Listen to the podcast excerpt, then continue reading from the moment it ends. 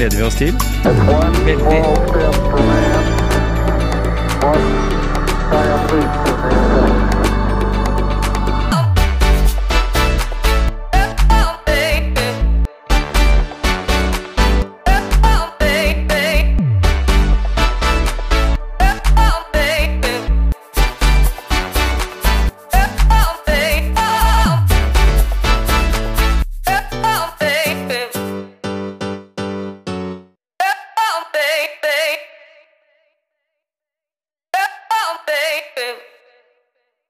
Gisle, nå er det få minutter til vi skal ha på en kar som eh, motiverer eh, i hvert fall meg skikkelig.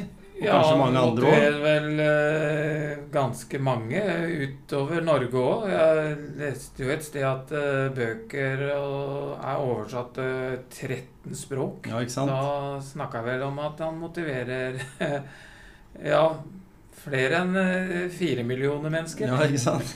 Eller fem, som vi er nå. Det er det. Ja. Så og det er Erik Bertrand Larsen. Han har podkast nå ute med Bertrands univers.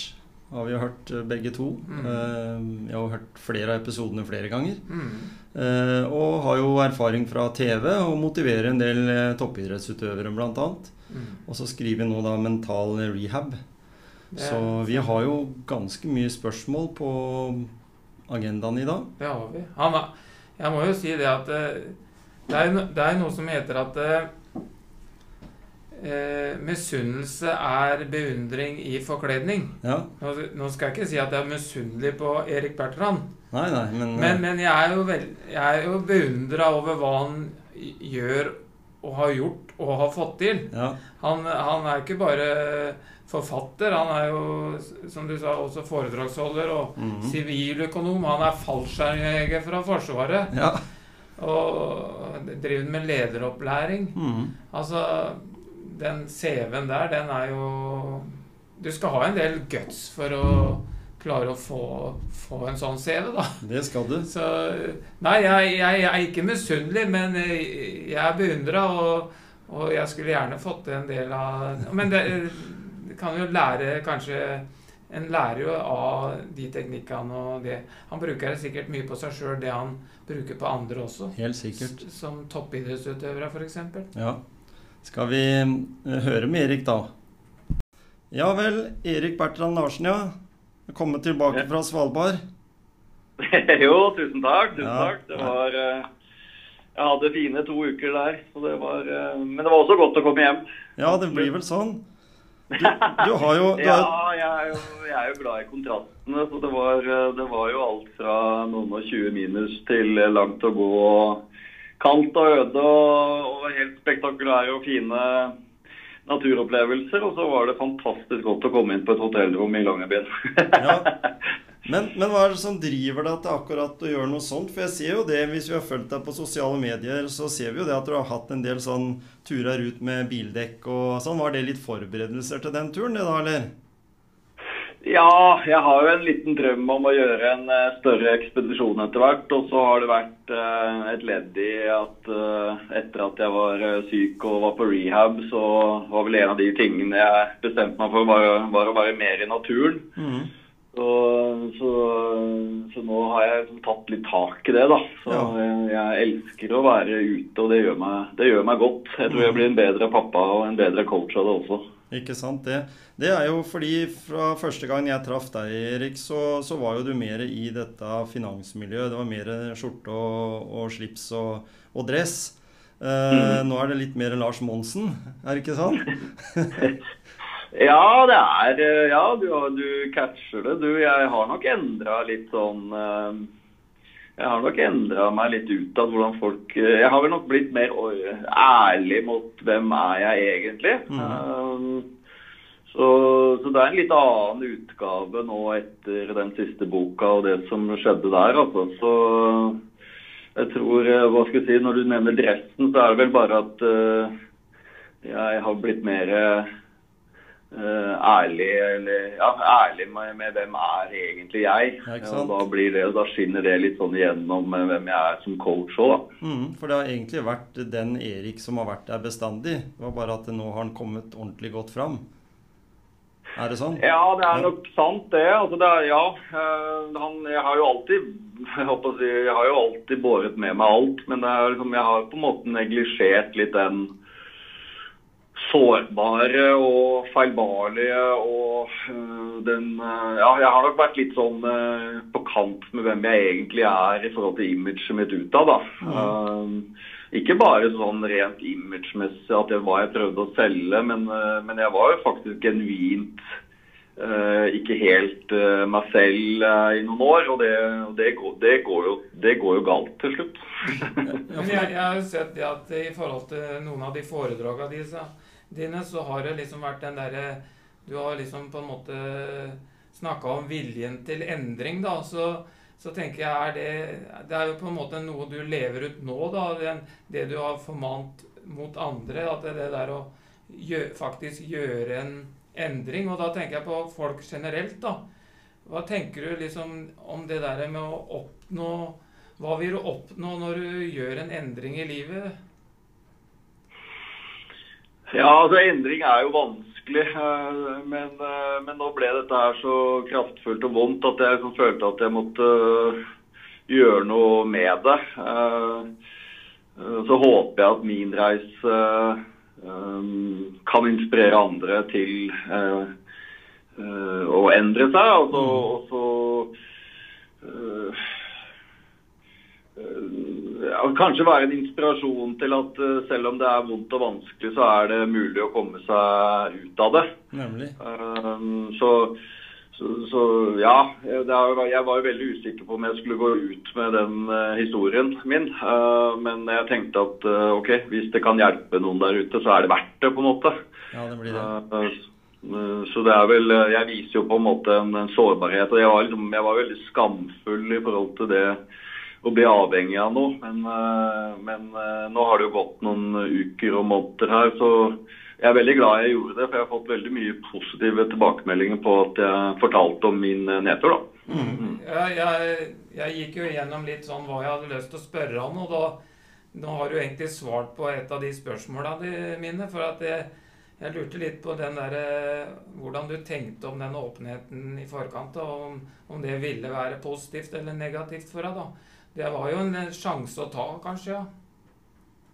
Ja, og jeg føler vel at den sjansen altså Det er vel på en måte ikke eh, opplest og vedtatt hvordan dette blir tatt imot eh, fortsatt. Men eh, det, det, det, mm, Jeg følte at, vel at jeg ikke hadde noe valg etter hvert. Og så var det, det Det jeg var mest skeptisk i forhold til, var jo barna mine. At jeg skulle stå fram og si at jeg ble en rusmisbruker, det, og at eh, eventuelt en eller annen tabloid avis skulle ta tak i det. Og så tenkte jeg liksom hvordan, hvordan vil barna mine takle det? Um, men heldigvis så ser jeg i hvert fall at de eldste barna har eh, også på en måte kommet seg greit ut av det. da, uh, Og at det ikke kom så mye, så veldig mye negativt. Uh, so, so far so good. Eh, Så langt så har jeg fått hundrevis av eh, meldinger og e-mailer. Og, og, ja, folk har tatt kontakt og sagt at det var fint at jeg fortalte om eh, nedturen min, og at det har hjulpet eh, noen allerede. Så,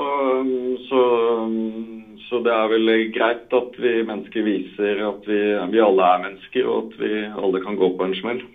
Ja, jeg, tenk, jeg tenker det at eh, Jeg kan ikke tenke meg noe annet enn at det må være ut, utelukkende positivt. Ja, og at, eh, at det er andre der ute som, som du sier, er kanskje litt sånn skamfulle da, overfor eh, det de på en måte Overfor familie og barn og sånn. At, det, at de kan få en litt sånn derre ja, en sånn fyring for å, for å tørre å øh, ta opp det der eh, til de nærmeste da, og gjøre Mm. noe med det.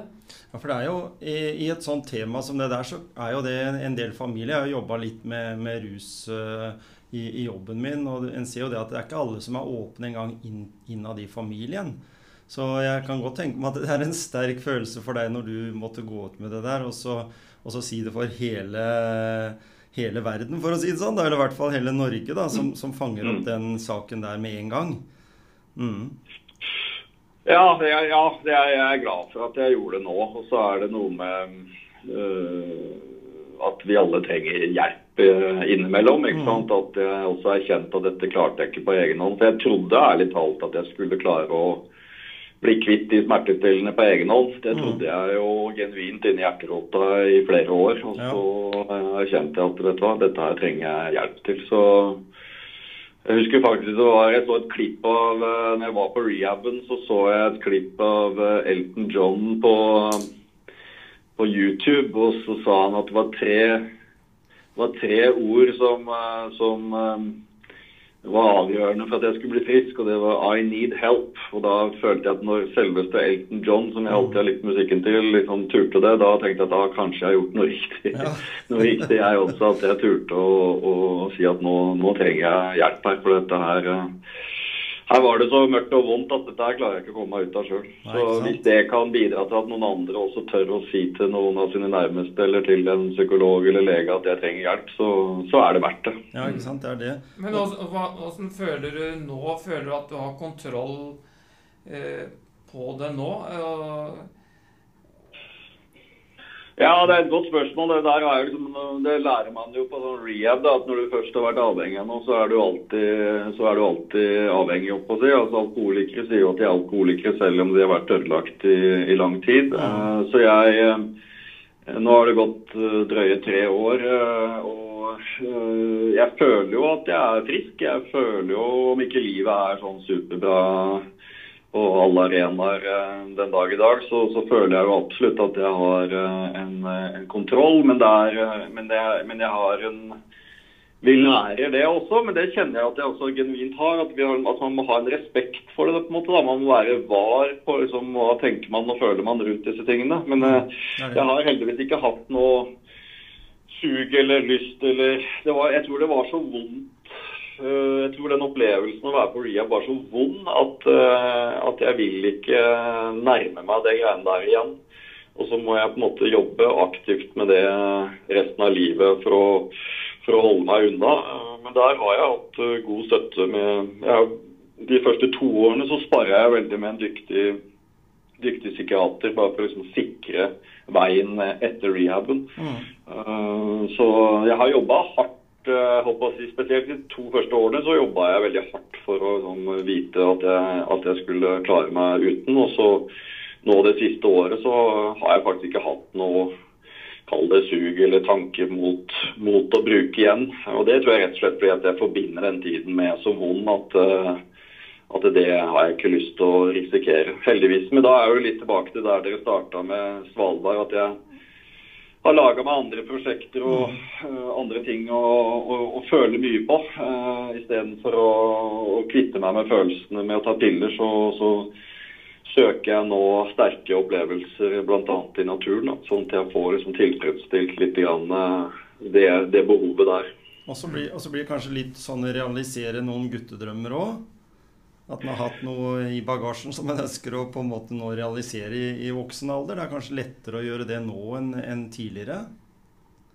Ja, jeg tror jo jeg tror, jo, jeg tror alltid, uansett hvor gammel man er, at man skal tørre å drømme og tørre å gå for det og tørre å strekke seg mot noe. Så, så absolutt, ja. Jeg tror jo at det er jo fort gjort hvis man går i et A4-liv og, og føler at livet bare er greit, så, så er, er det kanskje en større risiko for at man eh, søker noen følelser med noe, noen eh, eksterne stimuli som ikke er så bra. Så jeg er en følsom gutt, så, så jeg lærte mye av det der med at eh, vonde og leie følelser, det er helt uh, greit å ha. Og så er det grobunnen også for å kjenne på det vidunderlige. Så Mm, det det. med pillene så nummer jeg jo ut både de vonde følelsene og ubehaget, men det, det verste av alt er at da nummer du ut oppsiden òg. Så da lever du i en sånn grøt i midten. Så nå er det mer aksept at følelser er bra, og at følelser skal kjennes på. At uh, både vonde og ubehagelige, men uh, det er også da forutsetningen for å kjenne på de fine. Så jeg er nok på et bedre sted sånn sett, da. Mm. Og da, da tenker jeg med en gang sånn Vi kjenner jo Erik Bertrand Larsen fra eh, mottoet 'gønne på'. Er, du, Mhm. er du litt mer hvilepuls nå, da? Hvis jeg tenker på sånn i hverdagen nå? Ja, altså gønne på liker jo det uttrykket liker jo jeg, og det, det står jeg jo fortsatt uh, ved, på en måte. Uh, det er kanskje litt overraskende, men, men uh, jeg mener jo at uh, jeg, vil jo, jeg vil jo ikke på en måte Ja, jeg vil slappe av og hvile innimellom, men jeg tror jo, jeg tror jo fortsatt på å trykke på og gi gass. Altså, jeg, jeg vil jo ha et jeg vil jo ha et så rikt og sterkt liv som mulig. Og da, da må man innimellom trøkke, trøkke til. Eh, og hva det vil si å trøkke til, er jo veldig individuelt. Men, eh, men jeg gir fortsatt gass, jeg. Jeg har fortsatt drømmer og visjoner. og og, men, men, eh, men denne erfaringen er vel mer sånn at ok, det her var såpass vondt at jeg vil nok ikke tilbake der, men jeg, jeg kommer fortsatt til å risikere. Jeg kommer fortsatt til å ta sjanser. Eh, jeg vil ut av komfortsonen. eh, Nettopp fordi at eh, skal jeg få et sterkt liv, så må jeg føle mye. Så hvilepuls Ja, jeg er, kanskje, jeg er kanskje litt mer sann. Jeg er kanskje litt mer tro mot meg selv. Jeg er kanskje litt mer ekte. Men det har kosta det òg.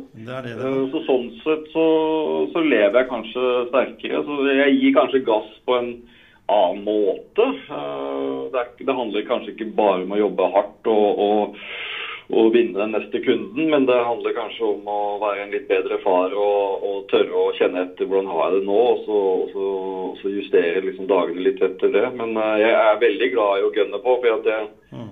Eh, Min, min største bekymring her i livet er jo at jeg ligger på dødsleiet og tenker at dette her var helt greit. Eh, Det, det vil jeg for enhver pris unngå. Og, og, og når jeg snakker med mennesker som er gamle og som syns det har vært fantastisk, så har de noe felles, og det er at de har hatt mye opp og ned. Mm. Og det vil nok jeg ha. Så jeg vil, jeg vil eh, prøve å være så god far og forretningsmann og hvilke ulike roller jeg har. Jeg jeg vil, jeg vil virkelig dra på. og det det betyr innimellom at man går på trynet, men det er, det er greit, det òg. Det er greit, det òg. Ja, men jeg tenker sånn gønne på. Du, du tenker liksom sånn Ja, det er å være ute av komfortsonen, men nå, nå har du vært på Svalbard og sånn, og, og så tenker mange kanskje at eh, du har jo vært ute av komfortsonen eh, for lenge siden nå gjennom å ha vært fallskjermjeger og, og de tinga der. Så du, har jo, du er på en måte utafor komfortsonen til de aller fleste med det du har gjort før òg. Men jeg tenker, hva, hva sier du til mennesker som ikke tør å gå ut av komfortsonen? Hva, hva går man på en måte glipp av ved å bli der i det der vante, da? Og ikke tørre å gønne på? ja, det er, ja, det er liksom min eh, Dette er jo dette, Nå er du kjernen på, på det jeg virkelig tror på. Det, og det er, jo, det er jo et bekymringsløst Altså, Vi mennesker vil naturlig nok søke mest mulig komfort. Og Det kommer fra evolusjonen. Altså, vi, vi har levd i så brutal verden i tusener av år at vi har hele tiden søkt det minste vi kan få av komfort. Og det sitter jo fortsatt i oss. Eh, så, så, så vi må være litt sånn bevisste kanskje på at eh, hvorfor vi søker komfort. og Det, det er det mange som uh, liksom, syns er litt kult å høre om. at Hvorfor er det naturlig for oss å søke mest mulig komfort? Eh, det, og det kommer fra gammelt av. Eh, vi vil ikke miste flokken vår, og vi vil ikke ha det ukomfortabelt. og Vi, vi, vi søker naturlig det trygge. Eh, eh, det du går glipp av da, det er jo de, de mest fantastiske følelsene. Altså, de, fleste le, altså, de fleste lever jo i komfortsonen mest mulig. Og da, vil, og da har du en OK følelse. Du har mye greie, helt ålreite følelser i løpet av en dag, og livet består jo av disse dagene. Og hvis du stort sett kan konkludere med på slutten av dagen at dette, ja, dette var en grei dag, ja, og du har noen tusener av de dagene, så vil du til slutt da konkludere med at ja, dette livet var helt greit. For du har hatt helt greie, OK følelser. Så du går jo glipp av å leve sterkt i min verden. Eh, Så de som syns at livet er fantastisk, altså helt rått, de som liksom kjenner på at livet bruser, de har jo begge deler. Og Det er det som er så viktig å erkjenne, at hvis du ikke går ut av komfortsonen din, så vil du heller aldri få de vidunderlige, herlige følelsene. Veldig mange mennesker gjør det innenfor kjærligheten. De tar høy risiko med å bli glad i noen. De blir sårbare med å elske noen. Og de kan også ø, kjenne på det diametralt motsatte når de blir dumpa eller mister noen.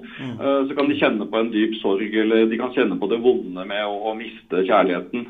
Men jeg mener at vi kanskje bør tørre å gjøre det på andre arenaer òg. Eh, og tørre å, å kjenne på det litt ubehagelige og vonde og vanskelige. Noen blir jo tvunget til det. Og så erkjenner man at følelser er ikke statiske. Eh, de er ikke vedvarende. Eh, de, de går opp og ned. Og, og, og hvis du da går litt utenfor komfortsonen, så vil du erkjenne det. Så, så da blir jo min kjepphest at du må, du må, du må Du trenger jo veldig mye. Du kan litt og litt. Bitte litt ut av komfortsonen. Det kan være så smalt som å si at jeg skal stå opp litt tidligere enn jeg pleier. Fem minutter, ti minutter, en time tidligere enn jeg pleier. Bare for å prøve på en veldig god, fin start på dagen.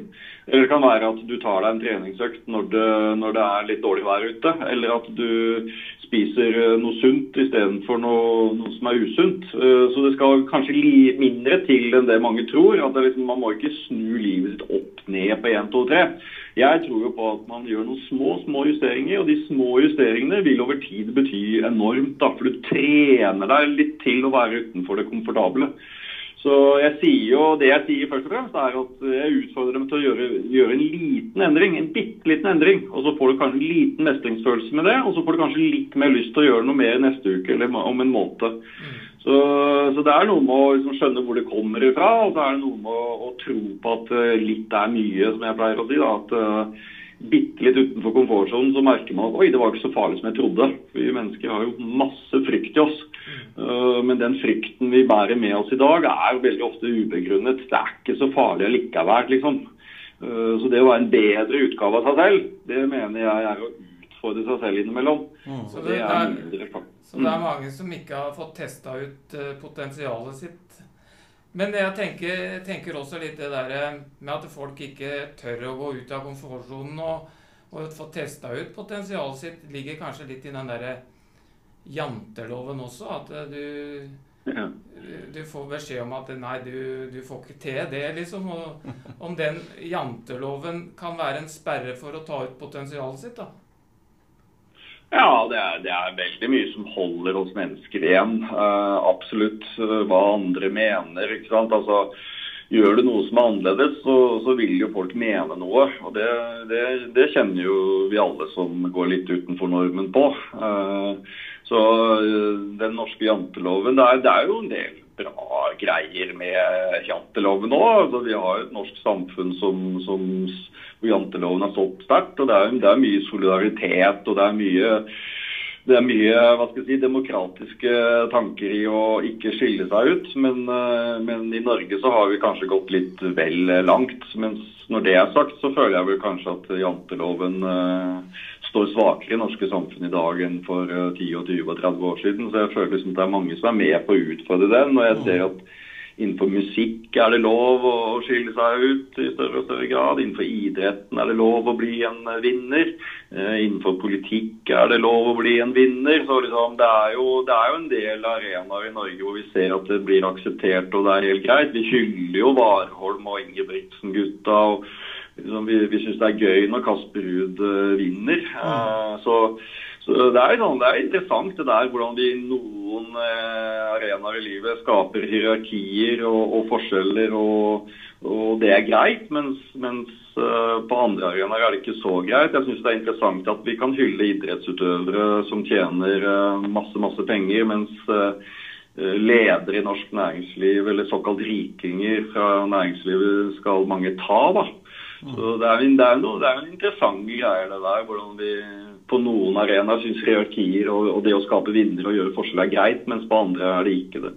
Så, men janteloven står svakere. Men jeg, ja, absolutt. Og Der ser du forskjell på bygd og by også. Du ser forskjeller i landet og uh, ulike, segmenter. Men jeg, jeg føler at uh, janteloven uh, den, den, er ikke like sterk i dag som jeg tipper at den var på 40-50-tallet. Nei, Og så er det vel kanskje noen som, som bruker janteloven eh, på den motsatte måten, da, ved å tenke liksom at skal, jeg skal F eh, vise, liksom. Jeg, jeg hørte jo bl.a. Eh, på din podkast, Bertrands univers, at når du prata med Jon Arne Riise, at han liksom fra barndommen av på en måte, Det var motivasjonen hans. da, det At han skulle faen meg vise på tross av. Og det, Ja. det syns jeg var litt herlig å høre. ja. Mm. Ja, det er jo ja det, det, ja, det slår nok begge veier. Noen syns jo det blir too much, andre syns det er uh, inspirerende. Uh, men det å, det å, kompensere for noe er jo veldig Det er jo ofte en drivkraft. Uh, Jon Arne sier jo at han ikke ble likt, og ville veldig gjerne bli likt. Og han så fotballen som en, si, en, metode for å bli godt likt på. Så han fighta jo livet av seg for å bli, bli, en god fotballspiller, nettopp for å bli en del av en gruppe. da. Mm. Og det kan vi alle kjenne oss igjen i større eller mindre grad, tror jeg. Altså, jeg også ville jo på en måte bli likt. og mye av grunnen til at jeg dro inn i Forsvaret, var jo for å kompensere for han lille gutten. Så jeg er helt enig med deg. Det kan, det, for noen blir det litt sånn jeg skal vise dem at det blir en positiv greie. Mm. Ja, og når, du, og når, du, da tenker jantelov Du nevnte jo noen navn her i stad og idrettsutøvere som, som, du har vært med på å løfte. og Det er jo idrettsutøvere som i utgangspunktet er godt utafor komfortsonen. Hva gjør du med de? Altså Du, du nevnte her i, i podkasten din at det, eh, det, ofte var enkle ting da, som, som var altså enkle verktøy for å, for å motivere en allerede veldig motivert utøver, tenker jeg. Ja, Hva jeg sier til utøvere som har lyst til å løfte seg, tenker du på? Eller? Ja, sånn, bare sånn i utgangspunktet. altså Kasper Ruud, vi snakker om Sundby, har du vært borti tidligere. og det er jo, De må jo ha ganske så sterke personligheter allerede for å nå langt i idretter som uh, på en måte forventes uh, gullmedaljer av, på en måte. Ja, altså det er, uh, det er vanskelig å generalisere litt, kanskje. Men det er jo altså, når du er idrettsutøver, så, så, er jeg jo veldig opptatt av hvor langt har de lyst til å ta det. Altså mm. At de etablerer ganske tidlig liksom, Hvorfor gjør du dette her? Hvorfor skal du, hvorfor skal du yte ditt beste fra dag til dag? Uh, det å ha gode, gode svar på det hjelper jo veldig mange utøvere å ta mange riktige valg i hverdagen. Så veldig tidlig med Kasper Ruud så spurte jeg jo han hva, hva drømmer du om, hva er målet ditt? Og det er klart at hvis, det, eh, hvis du klarer å skape et mål, en drøm, som virker ufattelig kul å oppnå, så kan det være en ganske sterk driver i hverdagen til å gjøre mange av de riktige tingene. fordi det jeg sier til disse utøverne, er at slaget står ikke når det er VM-finale eller en Grand Slam-finale. Uh, uh, slaget for en idrettsutøver står på disse vanlige dagene. En vanlig onsdag i mars. Det er da, det er da slaget står.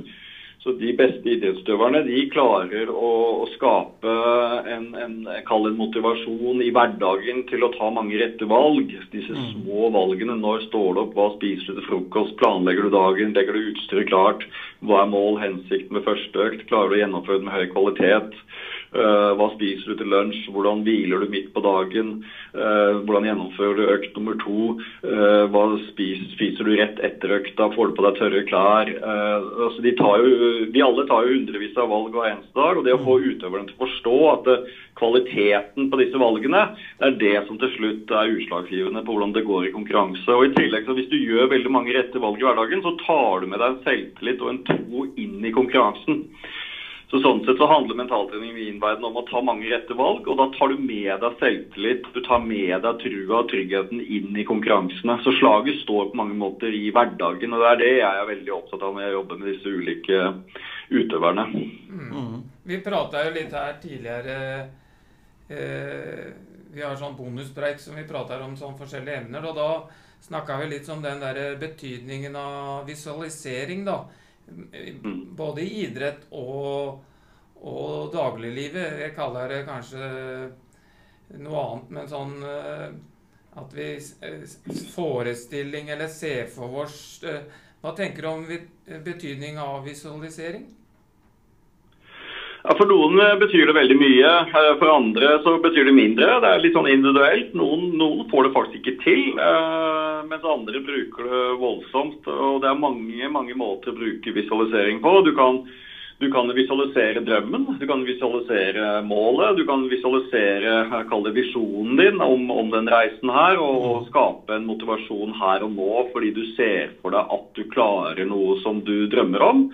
Eh, helt til at du kan visualisere en, en, bestemt konkurranse, hvordan du ønsker at det skal gå. Du kan visualisere ulike scenarioer i den konkurransen, sånn at du takler mer optimalt hvis de ulike scenarioene skal oppstå. Og så kan du visualisere helt ned til dagliglivet at når du spiser frokost eller når du står i dusjen om morgenen, så kan du visualisere hvordan du ønsker å gjennomføre en optimal dag. At du ser for deg at du er til stede med barna dine ved frokosten, at du ser for deg at du reiser på første økt til jobben og er øh, blid og offensiv og glad. Og så kan du se for deg at du gjennomfører møtene på den måten du ønsker å gjennomføre det på. Og når du har sett noe for deg, så er det så utrolig mye lettere å gjennomføre det slik du så det for deg. Så hvis en, en næringslivskvinne sier at jeg skulle ønske at jeg kunne klare å trene mer på ettermiddagene, og da ber jeg de gjerne om å visualisere at de kommer hjem fra jobb, og at de skifter, og at de drar ut på en treningsøkt og at de ser at de elsker å,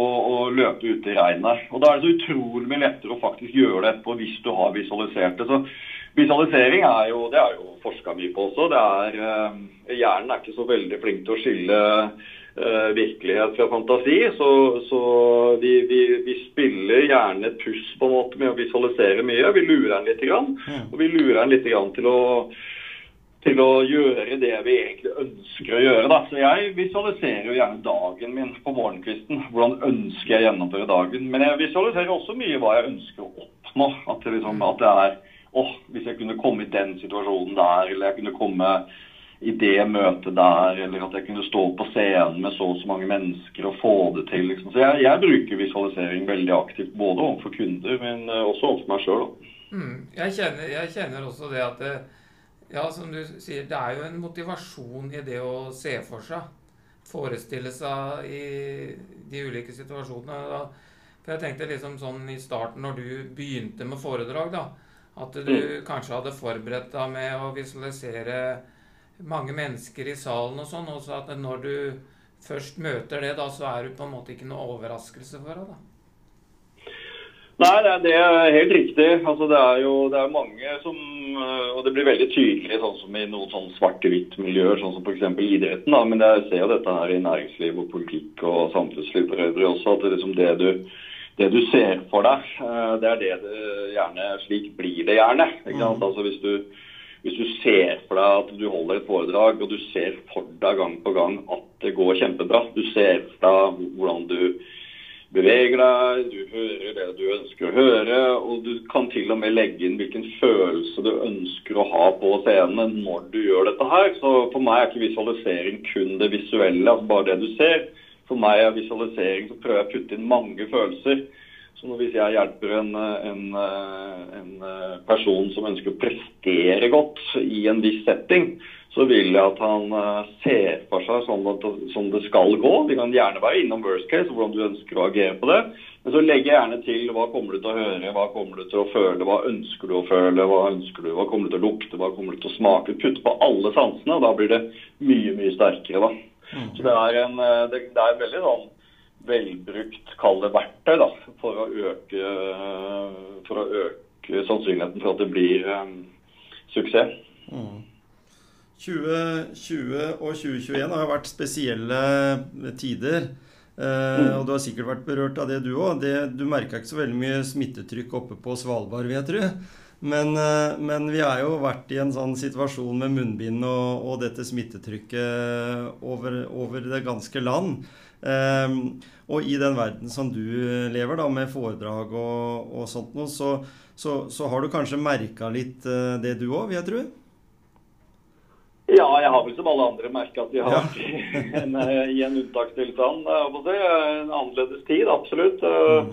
Det er vel på foredrag jeg har merka det mest. Men nå, heldigvis, så, det, så har jeg alltid egentlig hatt mest én-til-én-møter. Så, mm. så, jeg har vel egentlig ikke merka så Jeg har vært heldig sånn sett da, at jeg har liksom kunne klare å fortsette min, min virksomhet. Uh, nesten sånn uh, uten at jeg merka så mye til det. Så ja. det var litt heldig. Og så har jeg gått mer og mer digitalt nå, da. Så, så nå, nå, er det denne podkasten, og, og, så blir det en del online-kurs og apper. Så det hadde jeg nok gjort uavhengig av uh, covid, men, uh, men, jeg har jo endra litt sånn kurs da i min karriere det siste året. Så så nå er det faktisk mindre én-til-én, og det er mindre foredrag og, og, mer online jeg satser på fremover. Da. Ja, og da er vi vel i en sånn tid som vi har vært. Tror du, tror du vi mennesker har endra litt? Altså jeg, jeg, pleier å si det til mange at, at det bare Det er ikke så mange igjen av de, men de som opplevde krigstiden da, med fem år og alt var på en måte nedstengt sånn som vi har vært vant til nå. Eh, tror du det året har gjort noe med oss som eh, nordmenn eller som mennesker? Vi har jo ganske bra i Norge tross alt. Eh, Sammenligna med mange andre land, i hvert fall. Eh, og det, det går litt på motivasjon. da vi eh, Gisle og jeg i motivasjonspreik vi syns jo det om, om, folk har fått en annen form for motivasjon etter et år som det har vært nå? Andre fokus? Ja, altså, ja jeg er fryktelig usikker på det spørsmålet der. Jeg sa vel etter um, med, med, covid noen måneder, så tenkte jeg at um, når, vi, når, dette her normaliserer seg igjen, så, så, kommer vi til å være akkurat sånn som før. Uh, men nå har det tatt såpass lang tid at jeg, jeg er litt usikker. Mm. Uh, når du spør om motivasjonen endra seg. Jeg tror jo jeg tror mange har fått uh, hatt det tøft. Åpenbart så har jo noen opplevd det verste av det verste under denne covid-perioden. her sånn, så, så, de er nok uh, preget. Uh, hvordan det blir med vanlig, den gjengse nordmann etterpå, er vanskelig å si. Altså, jeg vet ikke om vi har endra oss så veldig mye når ting normaliserer seg.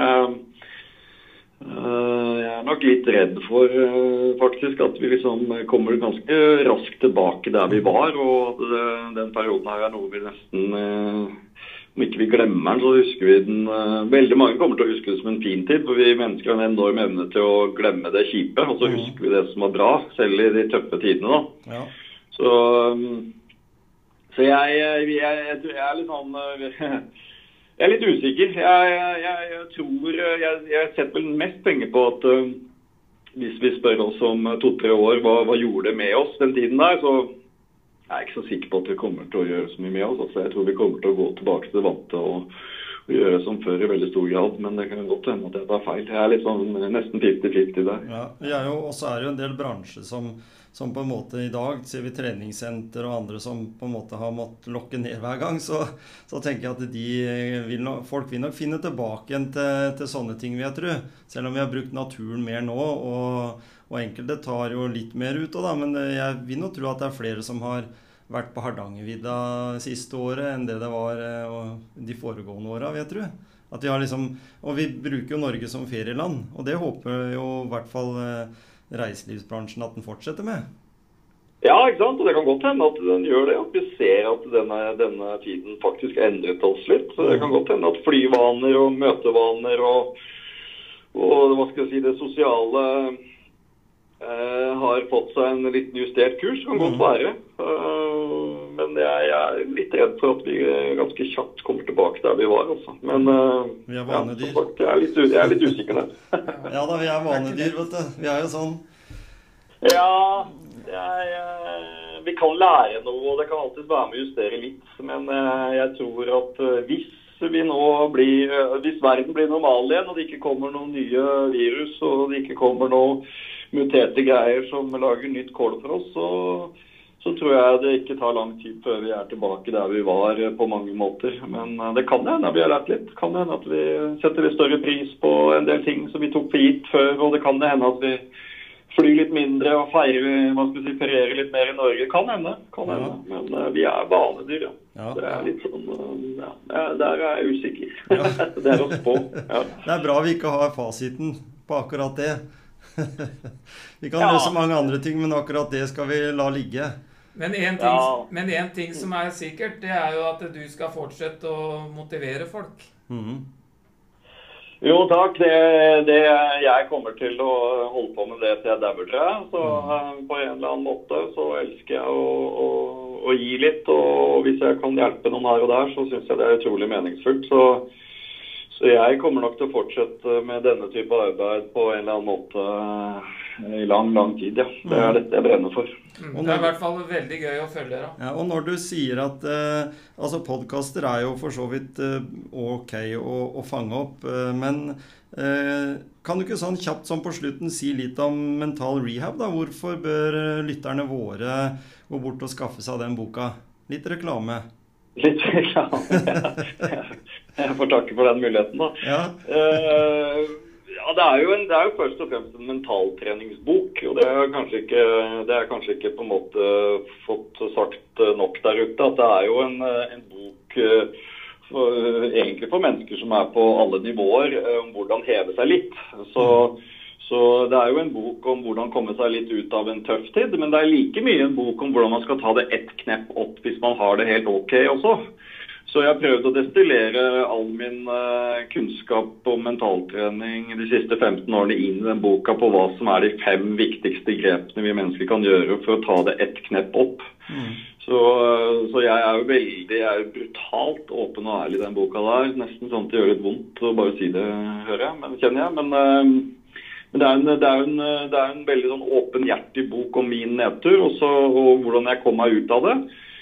Uh, men det som er interessant, det syns jeg, da, det er at uh, de grepene jeg måtte gjøre for å komme meg ut av uh, et, en dyp grøft, det er veldig mye av det samme jeg har snakket om til de som har vært veldig veldig gode i noe, som har lyst til å ta det ett knepp opp. Ja, ikke sant? Det var det du sa. Så, så jeg kjente meg litt sånn igjen på at ok, dette her, dette her må jeg gjøre. Dette lærer jeg av psykologene på rehaben, på hvordan jeg skal ta det et lite knepp opp fra grøfta. Men, men dette det handlet like mye om hvordan man skulle få en toppolitiker eller toppleder eller toppidrettsutøver til å ta det ett steg opp. Da. Så Sånn sett så er det kanskje en bok som jeg, jeg håper da, at kan passe veldig mange som ønsker å bli en litt, litt bedre utgave av seg selv. Ja.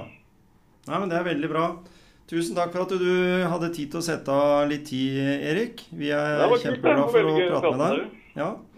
Så kanskje vi møtes igjen på nye, nye korsveier. Hvem vet? Det får vi håpe. Ja. Tusen, tusen takk. Det var veldig hyggelig. Tusen takk. Ha det Fin fint. Det gjør vi. Ha det bra. Ha det. Ha det. Ha det.